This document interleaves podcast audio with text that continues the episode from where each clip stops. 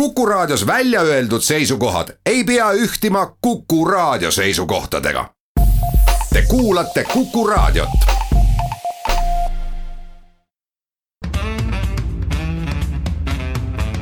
muuli ja Riikoja. tere päevast, head kuulajad, kell on seitse minutit üksteist läbi, kui ma nüüd kell oli ta nurga all, ei saanud aru. aga et on reedene päev, siis loomulikult ka saate Muuli ja Riikoja aeg ehk Kalle Muuli ja Hendrik Riikoja on stuudios. tere päevast. alustame tänast saadet, eh, noh, võib vist öelda, et tervet maailma, mitte ainult Eestit ärevuses hoidnud eh, koroonaviiruse puhanguga, mis on nüüd jõudnud ka esimestesse Euroopa riikidesse. teiseks räägime teenetemärkidest, president on siis otsustanud eh, autasustada sada neljateist inimest äh, Eesti Vabariigi teenetemärkidega, õnnitleme kõiki. kolmapäeval hääletati siis äh, parlamendis pärast äh, kokku vist kas kaheksat või üheksat tundi pikkust arutelu valitsuse usalduse ja pensionireformi üle. kinnitati, kiideti heaks, valitsust usaldati. nüüd paistab, mis sellest seaduseelnõust edasi saab. valitsus moodustas eile õhtul siis või eile oma kabinetiistungil äh, töörühma või käskis siis justiitsministril moodustada töörühma, mis peaks, peaks vastama äh, mõnede Estonia äh, katastroofis hukkunud perede järeltulijate või esindajate taotlustele selle kohta, et algatada siis uus uurimine selle laevahuku asjus ja saate lõpetuseks räägime ka sellest, et eh, Eesti suurim ajaleht Postimees on saanud lõpuks ometi taas endale uue eh,, tahtsin öelda peaministri, peatoimetaja ikka. Mart Raudsaar on tema nimi. muuli ja Riikoja koroonaviirus eh, on tänaseks hetkeks üle maailma tapnud enam kui kakssada inimest, uus koroonaviirus ja haigestunute arvu mõõdetakse tuhandetes. Paljud nagu küsivad, et ega tegemist ei ole tegelikult ju nii-öelda maailma mastaabis selles mõttes millegi hulluga, et ega tavalisse grippi haigestub ka. Kümneid tuhandeid inimesi igal aastal ja hinge heidab ka selle tulemusel sadu inimesi, aga eks selle koroonaviiruse põhiline probleem ja, ja miks paanika selle üle nii suur on, peitub põhjuses, et siiamaani ei ole päris selge see, kuidas see viirus levib ja veel vähem on selge see, kuidas seda viirust ravida ja sealt nii-öelda, sealt see paanika, paanika põhjus eelkõige kinni ongi. no mina hakkaksin võib-olla nimest pihta. see koroonaviirus tekitab selline tunde, et oleks seotud kuidagi mingi puunuppudega mänguga või Mehhiko õllega. Et tegelikult see on ju äh, viiruse tüübi nimi, see ei olegi viiruse enda nimi, äh, see on nagu perekonnanimi äh, koroonaviirused on ka ma ei tea, kas keegi mäletab veel sajandi algul, umbes kaks tuhat kolmandal aastal oli SARS-i viirus. see on ka koroonaviirus ja siis oli meil MERS-i viirus, see oli küll vähem levis, see on siis. Middle East on see esimesed sõnad ehk Kesk-Aasiast hakkas pihta siis või, või. Ja, ja põhjustas ka mingisuguseid asju, nii et neid koroonaviiruseid on palju ja see noh, on ainult tüüp, kuna ja, ja tegelikult see tüüp ka on saanud ju nime selle järgi, selle viiruse kuju järgi, viirus on nagu päike näeb välja ja siis see päikesekroon. mida toorelt tõlgitakse eh, mitte krooniks, mis võiks olla eesti keeles, vaid koroonaks, siis on saanud selleks eh, minu meelest üsna imelikuks nimeks võiks ju panna talle mingi eestikeelse nime, kuna arvatakse, et ta on pärit madudelt, võiks olla maogripp. ajalooliselt on paljud riigid, kui erinevad sellised taudid on välja tulnud, paljud riigid on on kulutanud miljoneid dollareid turundustegevustele, et uued haigused ei saaks. et kui vanasti oli nagu Hispaania gripp, eks ole, Hispaania palavik, mis kõik meil läbi ajaloo on olnud, siis tavaks on, et kus puhkes selle riigi järgi see nimetatud saab, et siis tänapäeval nii-öelda panust-, panustatakse turundusse meeletuid summasid, et haiguse nimesid ei seostataks nende riikidega ja ka see käib tegelikult ka praegusel hetkel ka, et seal, sealt tulevad need koroonaviirused. jah, aga kui, kui ma teen ettepaneku panna sellele nimeks maogripp, siis äh, siis ma arvan, et see ei, ei riiva kuidagi hiinlasi ja, ja ei seosta seda sellega, seda enam, et ta läheb loogiliselt meil sinna ratta, mis oli seagripp, linnugripp noh, hullulehma tõbi on natukene midagi muud, aga, aga see selleks, et kui me nüüd vaatame seda viirust ennast, siis ma võib-olla peaks kõigepealt ütlema, et minu meelest on sellistel puhkudel alati targem pigem üle reageerida kui ala reageerida, sellepärast ma väga ei pahanda, kui levitatakse pilte surnutest tänaval ja mis iganes, ehkki noh, kui nii vaadata seda haigust, siis tegemist ei ole Äh, väga kiirelt leviva haigusega, gripp on palju levinum, levi- või palju kiirelt levivam äh, viirus. ja tegemist ei ole ka väga tapva haigusega. no siiski protsentuaalselt hukkunute osakaal on ikkagi päris suur. kui meil on kaheksa tuhat nakatunut umbes ja viimane hukkunute arv on kakssada kolmteist. me ei saa sealt muidugi automaatselt protsenti võtta, ma saan aru küll sellest, et äh, meil ei ole teada veel kõik nakatunud ja mõni nakatunutest võib veel surra, eks. aga kui me võtame selle protsendi, siis see on umbes kolm, eks ju, või midagi sellist. samas SARS, mis oli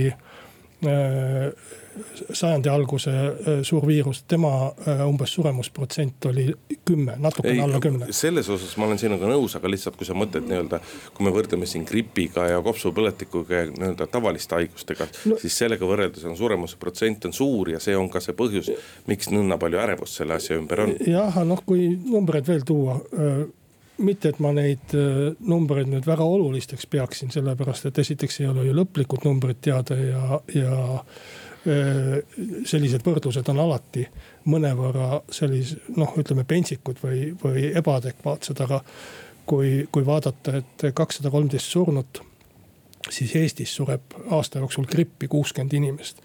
kui me selle Eesti kuuskümmend surnut paneksime Hiina proportsiooni, kus on, tuleb tuhandega korrutada kõik numbrid võrreldes Eestiga, siis me peaksime saama kuuskümmend tuhat surnut, enne kui jõuaksime Eesti gripi tulemusteni. aga noh, selliseid mõttemänge või selliseid äh, totraid võrdlusi võib alati, äh, alati tuua. et äh, iseenesest ma nagu nende numbrite põhjal tunnen, et tegemist ei ole mingisuguse enneolematu ja kohutava haigusega, vaid pigem, pigem leebemat sorti viirusega aga, aga see, et reageeritakse jõuliselt, see on igati asjakohane, sest kui seda mitte teha, siis oleks tagajärjed kindlasti märksa hullemad, nii et pigem üle reageerida kui ala reageerida.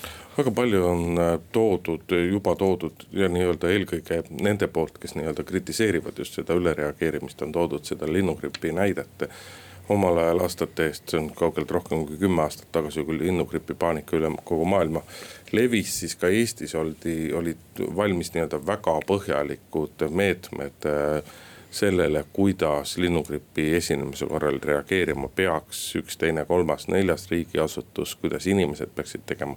kuidas sellest teavitada ja nii edasi, õnneks linnugripp läks meist, linnugripp läks meist mööda ja, ja, ja tegelikult oli see selles mõttes oli see linnugripi äh, juhtum väga hea, et tegelikult nii-öelda erinevatel ametkondadel peaks olema tänasel hetkel ka päris korralik ettevalmistus selleks, kui midagi nii-öelda suurt ja ekstra, ekstra hullu nagu juhtuma peaks, et see, et järgmisest nädalast on võimalik Eestis ka juba seda uut koroonaviirust diagnoosida, et me ei pea enam abi paluma teistelt Euroopa riikidelt see kõik on ainult hea ja, ja, ja see, et, et selle vastu, et sellest räägitakse palju, sellele mõeldakse palju, see tegelikult aitab seda meist eemal hoida ja, ja kõik see on ainult positiivne. jah, noh, võib-olla peaks lisama, et äh, päris mitmed nendest äh, eelmistest epideemiatest üldse Eestisse ei jõudnudki, et ega.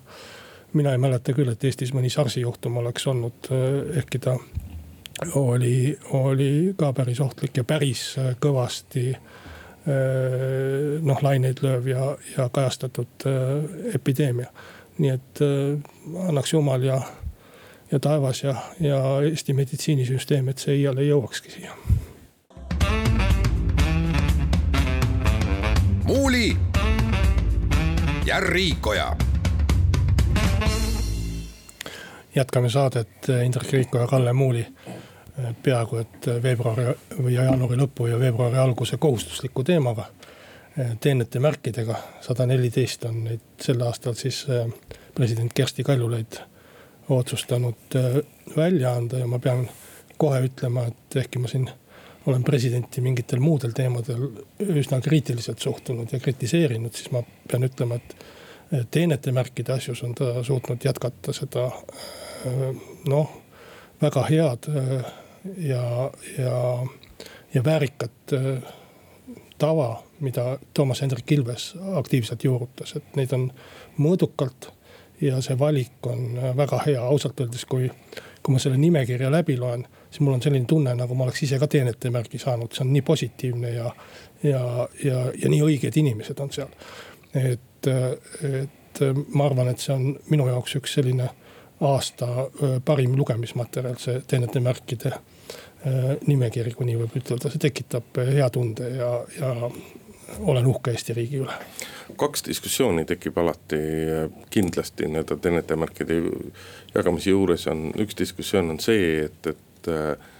et üldse, et nõustutakse, et nii-öelda üle kaheksasaja teenetemärgi, mida kunagi jagas Arnold Rüütel ja tegelikult ka ligi kaheksasada teenetemärki, mida ühel aastal välja andis ka Lennart Meri et noh, see on ilmselgelt palju, aga et noh, et kas see praegune arv nii-öelda sada, et kas ta võiks võib-olla olla kakssada, sest et on ju ikkagi. Eestis on, on, on selgelt nii-öelda kordades rohkem neid tublisid inimesi, keda riik võiks omalt poolt nii-öelda nagu tunnustada. et selles mõttes noh, kaheksasada on loomulikult palju, aga ma arvan, et paarsada paarsada ei oleks ka sugugi mitte liialdus, et natuke võiks neid nii-öelda veel juures olla, et minu arust ei oleks see probleem. teine küsimus on see, et kas teenetemärgi saajate loetelust leiab, leiab ka vene rahvusest inimesi.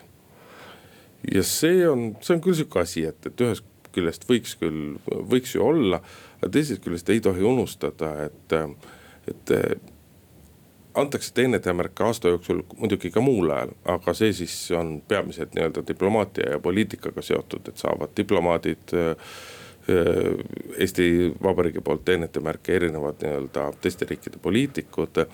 aga see nii-öelda vabariigi aastapäeval välja antav kogus, et suurem osa sellest tuleb ju erinevate organisatsioonide ettepanekutest. et, et selles mõttes nii-öelda kindlasti noh, ühest küljest näitab see ju ka seda, et, et väga vähe väga vähe pakutakse välja presidendile nii-öelda vene rahvusest inimesi ja nende teenetemärkidega ka tunnustamist. no kui, kui siin numbrit puudutas, mina numbritega kindlasti ei, ei piiraks ega ei määratleks kuidagi neid teenetemärke, sellepärast et see peaks ikkagi olema vastavalt vajadusele ja teenetele mõni aasta rohkem, mõni aasta vähem, aga kui sa mineviku numbritesse minevikku juba läksid, siis võiks minna päris algusesse välja, et Eesti kahes esimeses põhiseaduses oli keelatud anda rahuajal teenetemärke. ja Eesti kodanikel oli keelatud ka välismaiseid teenetemärke vastu võtta. et see tuli suurest demokraatia taotlusest. orden ja ordu on ühetüvelised või ühest samast kohast tulevad sõnad ja, ja orden oli äh, sellel ajal, kui neid põhiseadusi tehti veel, sümboliseeris äh, teatud seisust, teatud klassikuuluvust. ordeneid andsid mõisni- või kandsid mõisnikud või, või, või, või aadlikud. ja, ja, ja sellepärast taheti, et kodanikud oleks võrdsed ja et neid ei eristataks mingite märkidega lubatud oli ainult sõjateenete eest ja vabadussõja eest siis anti vabadusriste kakskümmend neli veebruar äh, tuhat üheksasada üheksateist asutatud. ja see lõpetati ka tuhat üheksasada kakskümmend viis ära, aga siis hakkas pihta see, et sellest põhiseadusest hakati mööda hiilima. Äh, hakati nii-öelda poolriiklikke aumärke tegema, Kaitseliit asutas tuhat üheksasada kakskümmend kaheksa Kotka risti ja, ja Punane Rist asutas juba tuhat üheksasada kakskümmend oma Punase Risti teenetemärki, need on praegu ka olemas. ja, ja, lõpuks, kui Päts oma diktatuuri kehtestas kolmkümmend neli siis ta lõi sellele äh, reeglile üldse käega ja asutas äh, valge tähemärgi, teenetemärgi ja, ja, ja riigivappi vist ka. kui ma nüüd õigesti mäletan, tuhande üheksasaja kolmekümne kuuendal aastal. nii et kunagi oli meil väga taunitud see mina leian tänapäeval küll, et me enam seda seost ei mäleta ja keegi ei pea teenetemärki mingi seisuse Äh, tunnuseks. ja, ja teenetemärke pealegi ei kantagi igapäevaselt rõhutamaks oma mingit seisust, nii et. nii et ma arvan, et tänapäeval on ta väga viisakas ja väga hea viis äh, inimesi tunnustada.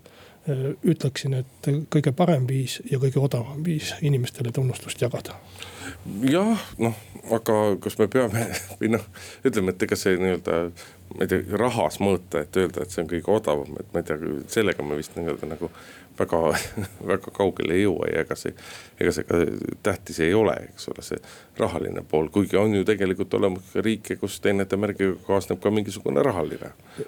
ja muide, muide vaba, Vabadusristiga omal ajal kaasnes rahaline autasu ka. Äh, ma ei tea, kas teiste, teiste äh, nende Eesti ajaks, ennesõjaaegsete teenete märkidega ka või või mitte, aga noh, meil on ka, ma tahtsin ütelda seda, et meil on ka riiklikud preemiad olemas, rahalised preemiad paljude, paljudele eluvaldkondadele, eriti kultuuri ja teaduse preemiaid ja, ja nii edasi. sportlastele antakse rahalisi preemiaid. Pigem tahtsin ütelda, et teenete märk, hoolimata sellest, et ta ei ole rahaline preemia, on, on ikka kõige kõrgem tunnustus. ei, kahtlemata on kõige kõrgem tunnustus ja selle saja neljateistkümne inimese seast me leiame ju nii-öelda nagu avalikkusele, avalikkusele tuntud ühiskonnategelasi, sportlasi, kultuuritegelasi vot nüüd kiilus mõte kinni, poliitikuid vist see aasta ei olnud. ma pean ütlema, et oli, oli.. Äh, vähe, aga oli, võib-olla isegi, ainult üks ja oli, aga see oli äh, minu erakonnakaaslane Siim Valmar Kiisler, keda, ma veel kord õnnitlen, kes sai selle äh, preemia selle eest, et ta juhtis ÜRO keskkonna assambleed, äh, oli selle president ja, ja tegi seda ajal, kui mina olin tema nõunik, nii et kes talle tarka nõu andis, ütleme niiviisi. jah, Siim Valmar peab ikka Kalle Muurile suured tänud ütlema, aga et selles nimekirjas on ka nii-öelda, on ka avalikkusele täiesti tundmatuid inimesi, noh, siin on palju välja toodud, eks ole, põllumees staažikas raudteetööline, et on leitud üles ka nii-öelda nagu lihtsad inimesed, et vot tollel ajal, kui, kui mõõdeti ikkagi nii-öelda sadades ja, ja, ja võiks isegi öelda, et ligi tuhandes. Neid ordenisaajate hulka ühel aastal, siis vot toona need nimekirjad olid küll tihtipeale ikkagi väga sellised, eh, väga ametnike, väga poliitikute, väga nagu riigikesksed ja, ja sinna nii-öelda nagu nii-öelda lihtsad inimesed leidsid teed ikkagi väga harva. ma ju räägin sulle, Indrek, et seda nimekirja on väga meeldiv lugeda, et see on võid kohe mitu korda lugeda, et nii hea tuju tuleb selle nimekirja peale, nii et äh, peame kindlasti veel õnnitlema ja, ja tänama presidenti äh, selle hea vali, valiku eest ja, ja Eesti inimestele õiglase ja, ja ärateenitud tunnustuse jagamise eest. teeme siinkohal väikese pausi, kuulame pooltunni uudised ära ja lähme siis saatega edasi. muuli ja Riikoja tere tulemast tagasi, head kuulajad, Kalle Muuli ja Hindrek Riikoja jätkuvalt stuudios ja saade Muuli ja Riikoja läheb edasi. räägime pensionireformi tulevikust, kolmapäeval oli üks selline maratonistung, kuigi Toompea on näinud ka veel pikemaid istungeid, mis ikkagi ilusasti järgmise päeva keskpäevani välja käivad, kuni järgmine, järgmise päeva istung algab, aga, aga ikkagi siiski pikk ja põhjalik istung, kus siis nii-öelda oli seotud pensioni teise samba reform valitsuse usaldushääletusega ja ootuspärased eh, loomulikult lõpuks nii-öelda valitsusele avaldati usaldust ja seeläbi võeti ka, võeti ka pensioni, pensioni teise samba reformi puudutav eelnõu seaduseks vastu. edasi on nüüd aega presidendil kaks nädalat, et eh, seadus kas siis edasi kiita või vabandust, heaks kiita või siis, kui ta peab äh, uut seadust näiteks põhiseadusega vastu olevaks, siis see parlamendile tagasi saata ja nagu. kuigi tavaliselt armastatakse rääkida, et, äh, et president saab äh, seaduse tagasi lükata ainult juhul, kui see on vastuolus põhiseadusega, siis õigusspetsialist Palamon Krõõt-Pai andis väga hea intervjuu Rahvusringhäälingus, kas siis tolle sama kolmapäeva õhtul, kus ta just tõi välja, et tegelikult on presidendil võimalus ka nii-öelda poliitilistel põhjustel tagasi saata parlamendile eelnõu, aga sellisel puhul ta ei saa kui parlament seadusega midagi ei, ette ei võta, ta ei saa nii-öelda seda riigikohtusse edasi saata. Ja juba sotsid on palunud, et presidendilt, et ta kindlasti seda seadust vastu välja ei kuulutaks. Äh, nii palju, kui mina aru saan, siis äh, nii-öelda see mõttetöö presidendi kantseleis on päris tihe, et kas, äh, kas on seal siis nii suurt põhiseadusega vastuolu, et riigikohtus võiks see kaebus läbi minna või mitte. sellepärast, et suure tõenäosusega, kui parlamendile tagasi saadetakse, siis parlament seda muutma ei hakka jah, noh, ma arvan, et selliseid palvekirju ei peaks presidendile saatma poliitilised jõud, et see iseenesest paneb presidendi natuke keerulisemasse olukorda, kui ta muidu oleks. et jääb mulje, nagu ta rahuldaks kellegi palvet või, või siis ei rahuldaks seda palvet. et ekspresident ole iseseisev põhiseaduslik institutsioon ja otsustab oma asju ise, et väga pentsik oleks, kui iga parlamendis vähemusse jäänud erakond saadaks pärast seaduse vastuvõtmist presidendile palve seda mitte välja kuulutada. no vot, ega sots ei kannut-, kannustanud ilmselgelt mitte mure sellepärast, et järsku president ei pane tähele vaid ikkagi kannustas ainult nii-öelda mure, et endale ise rohkem pildile pääseda ja profiiti lõigata, et noh, sisuliselt on ju tegemist sama hea, kui saata taotluse, et hommikul päike ikkagi tõuseks, sellepärast et sotsid teavad väga hästi, et president kaalub seda teemat väga, väga, väga põhjalikult. jah, aga kui ma nüüd vaatasin seda arutelu äh, riigikogus, siis mulle tundus ja, ja tekkis selline mõte seda arutelu jälgides, et huvitav, et kui valitsus ei oleks sidunud seda äh, eelnõud äh, enda usaldamisega. et ma arvan, et siis oleks arutelu märksa vähem olnud. et kui oleks hakatud lihtsalt tuimalt läbi hääletama neid äh, mõttetuid üheksasadat ettepanekut, mille hääletamine oleks minu arvestuste kohaselt peaaegu kuu aega võtnud, kui parlamendi neid tööaegu jälgida. et arutelu oli ju pikk ja, ja, ja tihe ja kõik said küsida, kõik said äh, sõna kõik said kõnet pidada. et, et selles mõttes ma nagu parlamentaarsele arutelule midagi ette küll ei heida, seda enam, et see oli üldiselt, kui see päris alguse see plakatite laat välja arvata. minu meelest eh, parlamendiliikmed ei peaks niiviisi Eesti riigikogu mõnitama igasuguste, ma ei tea särkide, plakatite, muudega asjadega, et äh, seal on, seal, seal on kõikidel on võimalik. aga valitsuse liikmed valitsuse pressikonverentsi igasuguste pusade ja asjadega, Kallel on täna nimelt ka seljas selline kaunis helehall pusa kirjaga raha on vaba. aga kui sa panid tähele, siis Isamaa liikmed ei läinud äh, riigikogu saali mingite dressipluusidega, mingite kirjadega, pusadega, vaid olid korrektselt riietatud. ei, ma küsisin, et aga valitsuse pressikonverentsil, kas seal on sellised manifestid nii-öelda nagu paraja ajad see on, sobivad. see on pressikonverents, see ei ole valitsuse istung ja see ei ole valitsuse istungi ruum. et äh, neid asju võiks nagu äh,, võiks nagu järgida, aga see selleks. et äh, ja kui ma vaatan hääletust, siis ma olen enam kui kindel, et hääletati pensioniseadust või, või seda seaduseelnõud, mitte niivõrd valitsust. et kui vaatad neid hääletusi, mis on olnud puhtalt valitsuse peale peaminister Jüri Ratasele volituste andmine või hilisemad usaldushääletused ühele või teisele ministrile. siis seal on igal pool mõni hääl uitama läinud. valitsus ei ole kunagi saanud nii palju hääli, kui sai see pensionieelnõu. nii et selles mõttes ma arvan, kõik viiskümmend kuus valitsuskoalitsiooni liiget hääletasid üksmeelselt ühtmoodi. nii et ma arvan, et see oli siiski pensionihääletus, mitte valitsuse hääletus. no see, see on nüüd küll muidugi Kalle sinu soovumõtlemine, et ilmselgelt hääletati väga selgelt nii-öelda valitsus, sellepärast et ka valitsuskoalitsioonis on ikkagi on, on, on, on arvestatav hulk inimesi, kes saavad aru, et tegemist ei ole mitte kõige parema sammuga, mitte kõige nii-öelda parema lahendusega, et, et kui vaadata seda kogu seda arutelu, mis parlamendis toimus, siis minul nii-öelda tekkis kaks emotsiooni, et ühest küljest mul tekkis see emotsioon, et, et, et kui ma ise olen kuskil midagi kõva häälega rääkinud ja midagi teinud.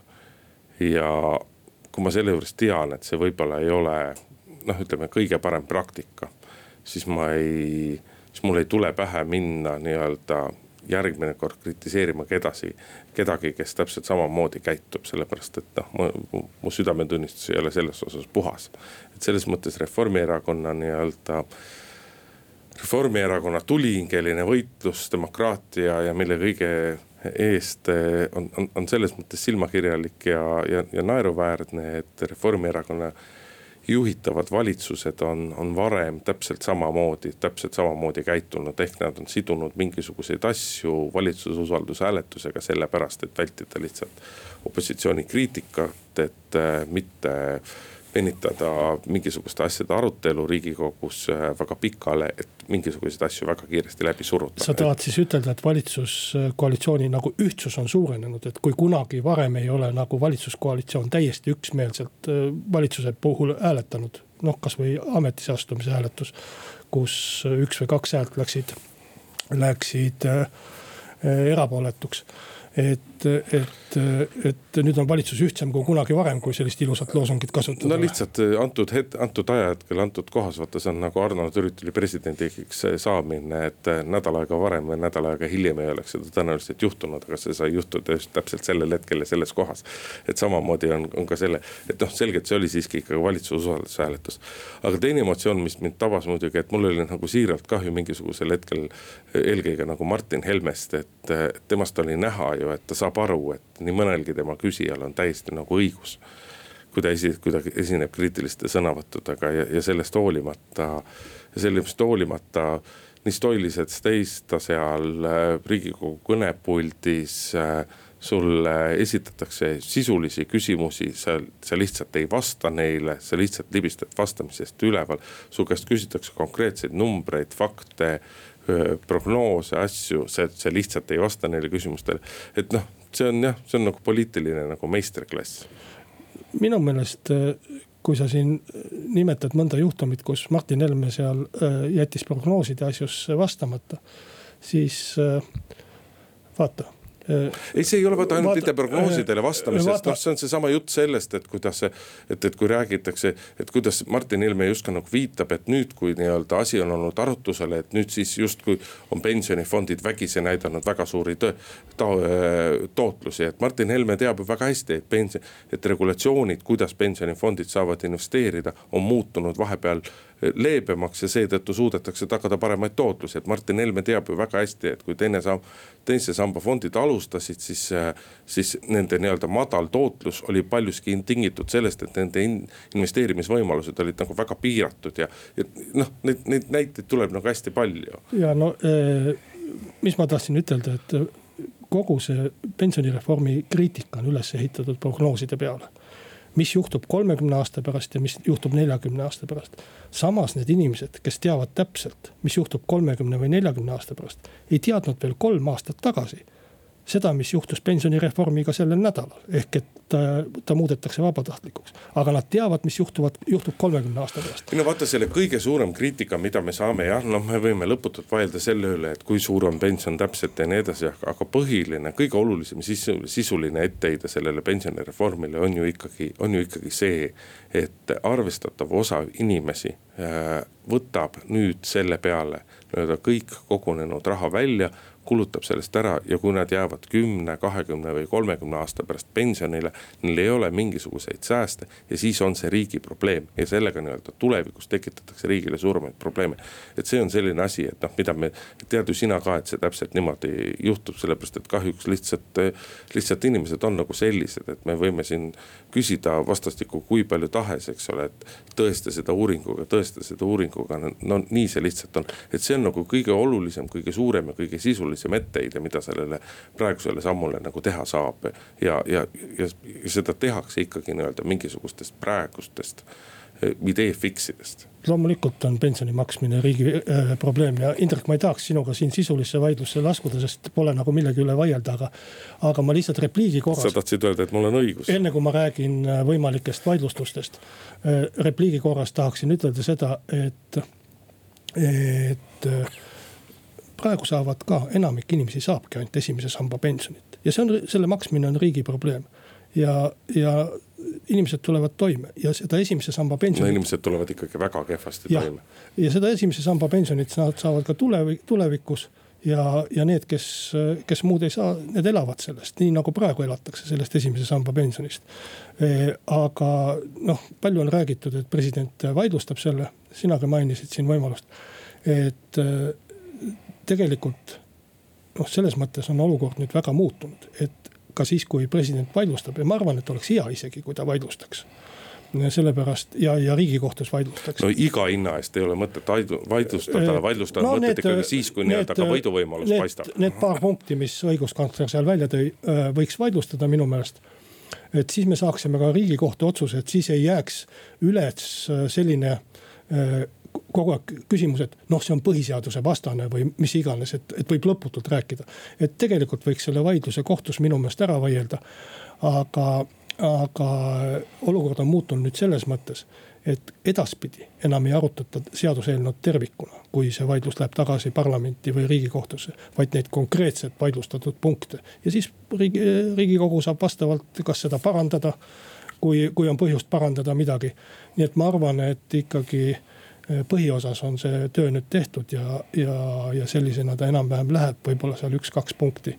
Eh, annab sättida, juhul kui nad on kuidagi riivavad liialt palju Eh, kellegi põhiseaduslikke õigusi, aga tegelikult mina ise arvan, et seal äh, riivet ei ole, me oleme tellinud äh, ka erapooletust allikast, advokaadibüroost äh, eksperthinnaku ja, ja selle läbi vaadanud ja seda eelnõud siis vastavalt ka nendele soovitustele kohandanud. mina ei oska midagi arvata sellest, kas seal on riive sees või mitte, et mina selles mõttes usaldan pigem õiguskantslerit ja presidenti ja kui president otsustab käituda ühte või teistmoodi, siis seda tuleb nagu aktsepteerida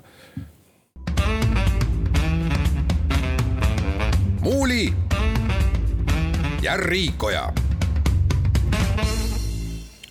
Jätkame saadet äh, Estonia hukust on nüüd möödas juba peaaegu et veerand sajandit, aga teema ikkagi ei vaibu, omaksed on ja, ja, ja osad Rootsi omaksed on omas, omaste esindajad, äh, läheb sassi.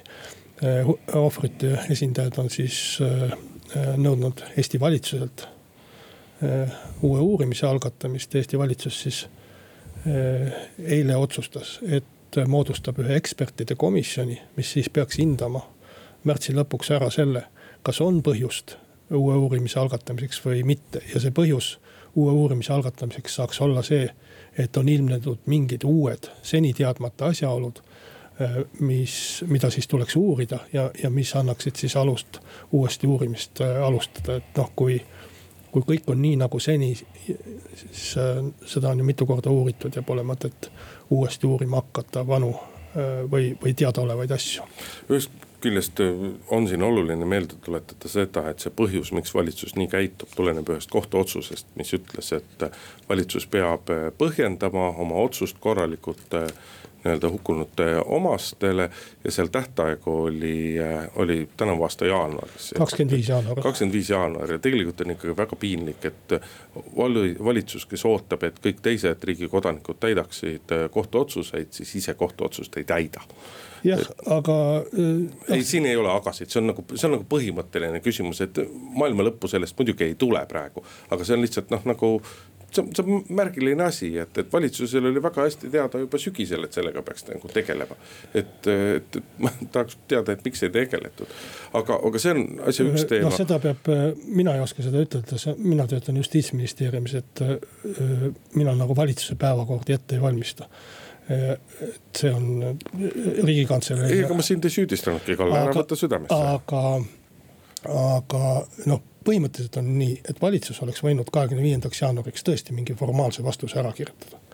aga see ei oleks ju aus olnud, me, me oleks võinud ei no aus oleks. ametnikke on nii palju, kõik oskavad kirjutada. aus oleks õppinud... olnud see, kui oleks hakatud varem, varem selle asjaga tegelema ja oleks ka sisulise vastuse saanud selleks ajaks ära teha. et äh, ma arvan, et praegu valitsus näitas tahet asjaga sisuliselt tegeleda, mitte lihtsalt formaalselt vastust tähtajaks ära saada. sisuliselt oleks võinud selle asjaga tegelema hakata juba sügisel. jah, äh, kindlasti. aga, aga teine asi nüüd on see, et, et kas jah, seda peaks, et, eks see kõige suurem, kõige suurem vaidluskoht tegelikult põhimõtteliselt on olnud see, et kas peaks Estonia vrakile uuesti sukelduma, kas peaks üles, kas peaks üle vaatama selle laeva kere et kummutada kahtlused äh, pommiplahvatusest, äh, millestki teisest, kolmest või neljandast. ja tegelikult noh, nii palju aega on möödas, aga kuna tegemist oli nii suure katastroofiga, siis selle nii-öelda järellainetus, järelmõjud kestavad veel, veel paarkümmend aastat, et, et selle võiks tegelikult lõpuks ära teha, ma saan aru, et et noh, et oleks tõenäoliselt vaja ka, ka mingil kombel nii-öelda Rootsis samasugust otsust ja Rootsi on seni ju väga jäigalt olnud vastu sukeldumise lubamisele, aga. aga siin võiks leida mingisugused võimalused ja, ja, ja mõned asjad ära teha ja, ja kui see ilmneb siis, et kõik on olnud õige, siis on ju kõigil süda rahul ja kui ilmneb, et kõik seni arvata ei ole päris nii olnud, noh siis on ilmselgelt põhjust uurida meid seob äh, üks kolmepoolne leping, mis on ammuilma Eesti riigi poolt sõlmitud Rootsi ja Soomega ja, ja, ja hauarahu ja muud sellised tingimused. et äh, kindlasti on meil. no sellest lepingust taganemine on keeruline, aga see siiski on võimalik, ma saan aru. kindlasti mingi teoreetiline võimalus selleks on. Aga mis ma tahtsin ütelda, ma arvan, et äh, isegi kui kunagi sinna sukeldutakse, siis see sukeldumine ei päästa. igasugused kahtlused ja, ja vandenõuteooriad jäävad üles. ja, ja minu isiklik arvamus on see, ma ei tea, kas minu silmad seda veel näevad või mitte. ma arvan, et lõppude lõpuks ta tõstetakse üles Muuli ja Riikoja. Postimees sai sellel nädalal äh, viimaks ometi pärast sellist noh, kahekuulist, rohkem isegi peaaegu kolmekuulist nii-öelda peataolekut sai uue peatoimetaja Meediaettevõtete Liidu, vana nimega Eesti Ajalehtede Liidu senine tegevdirektor. Mart Raudsaar on uus Postimehe peatoimetaja ja noh, mis sellest siis arvata, minul on selles mõttes natuke keeruline arvast-, arvata, et struktuuri järgi on, on, on, on Mart ju tegelikult ka minu ülemus, sellepärast et tema on ka Postimehe vastutav väljaandja ja Postimees Grupi uudistejuht ja, ja uudismeedia alla ka Kuku raadio kuulab. aga no igal juhul potentsiaal selleks, et äh, et, et, et toimetuses saabuks töörahu, et asjad läheksid edasi, on igal juhul nagu olemas. aga kindlasti küsimus ei ole mitte ainult äh, Mart Raudsaares endas, vaid tegelikult ka ikkagi Postimehe toimetuses, ka kindlasti peab olema nii-öelda tahtma ise rahul olla. aga vähemalt teoreetiliselt nii-öelda teadmised on ju on ju, on ju väga tugevad, Mart Raudsaar on üks asi, ta on esindusorganisatsiooni juht, ta on ka meediaõppejõud väga pikalt olnud, et seda kõike ta, ta teab ja tunneb aga praktilist kogemust muidugi on, on, on Mardil vähem. minu jaoks on see igati sümpaatne valik, et äh, kui ma loen tema mingisuguseid seisukohavõtte ajakirjanduse asjus või, või ka muudel teemadel, et äh, need tunduvad sellised mul ei teki väga palju tahtmist vaielda ja, ja mul kindlasti ei teki, ei teki tahtmist äh, noh, õlgu kehitada või, või naerma hakata mõne koha peal et selles mõttes väga asjalik ja väga, äh, väga selliste mõistlike vaadetega inimene. Äh, töötanud äh, põhiliselt küll mingisuguste meediaettevõtete katusorganisatsioonides õppejõuna ja, ja sellistel kohtadel, kus ei ole tulnud praktilist ajakirjandust väga palju teha, noh muidugi tal eluloos on sees ka favoriidi reporteriamet või midagi sellist ja, ja Eesti kirik ja noh, neid äh, kohti on, mille puhul võiks ütelda, et nüüd äh, ära, ära vassi faktidega. aga, aga põhimõtteliselt ikkagi äh, küsimus on selles, et kuidas sellest, ütleme teoreetilisest pagasist nüüd teha praktiline ajalehe juhtimine, et need on kaks eri asja ja, ja ma loodan, et see läheb hästi, et äh, see ei ole sugugi välistatud, vaid vastupidi, ikkagi enamikel juhtudel peab hästi minema, aga Postimehe toimetuse äh, ajaloos on ju ka seiku, kus on tegelikult täpselt samasugused, peaaegu täpselt samasugused juhtumid vastupidiselt ja, ja. sa viitad sellele, et Tarmo Tammerk omal ajal tuli ka Postimehe peatoimetajaks Ajalehtede Liidu tegevjuhi kohalt ja pidas vist pisut alla aasta vastu. viitasin küll jah, aga, aga ma ei taha mitte mingisugust paralleeli, muud paralleeli tõmmata äh, Tarmo Tammerki ja, ja Mart Raudsaare vahele, aga tõesti sealt äh, samast Ajalehtede Liidu äh, juhi kohalt on tulnud, tuldud ennegi Postimehe peatoimetajaks ja me mõlemad vist töötasime tollal. olime, mõlemad olime sellel ajal. ja mäletasime seda kõike et, et see ei läinud äh, kergelt, ehkki toimetus tegelikult äh, toetas ja, ja püüdis nagu algul vähemalt äh, hästi hakkama saada. noh, ma sellega nüüd tingimata päris kindel ei ole, sest et ega Postimehe toimetus, hoolimata sellest, et kes selle toimetuse liikmed on, on alati olnud väga keeruline toimetus ja ja, ja, sugugi mitte alati ei ole ta nagu kõige ratsionaalsem äh,, ratsionaalsem kollektiiv, sellepärast et eks egosid on palju ja inimesed eh, on ka palju väärt, aga kindlasti tihti arvatakse, et ollakse palju väärt, et selles mõttes eh, Raudsaarel kerge ei saa olema, aga, aga ma arvan, mina küll usun temasse. ma soovin eh, suurt edu ja, ja kauat vastupidavust. siinkohal tõmbame saatele joone alla, Kalle Muuli, Hindrek Riik olid stuudios nädala pärast jälle. muuli ja Riikoja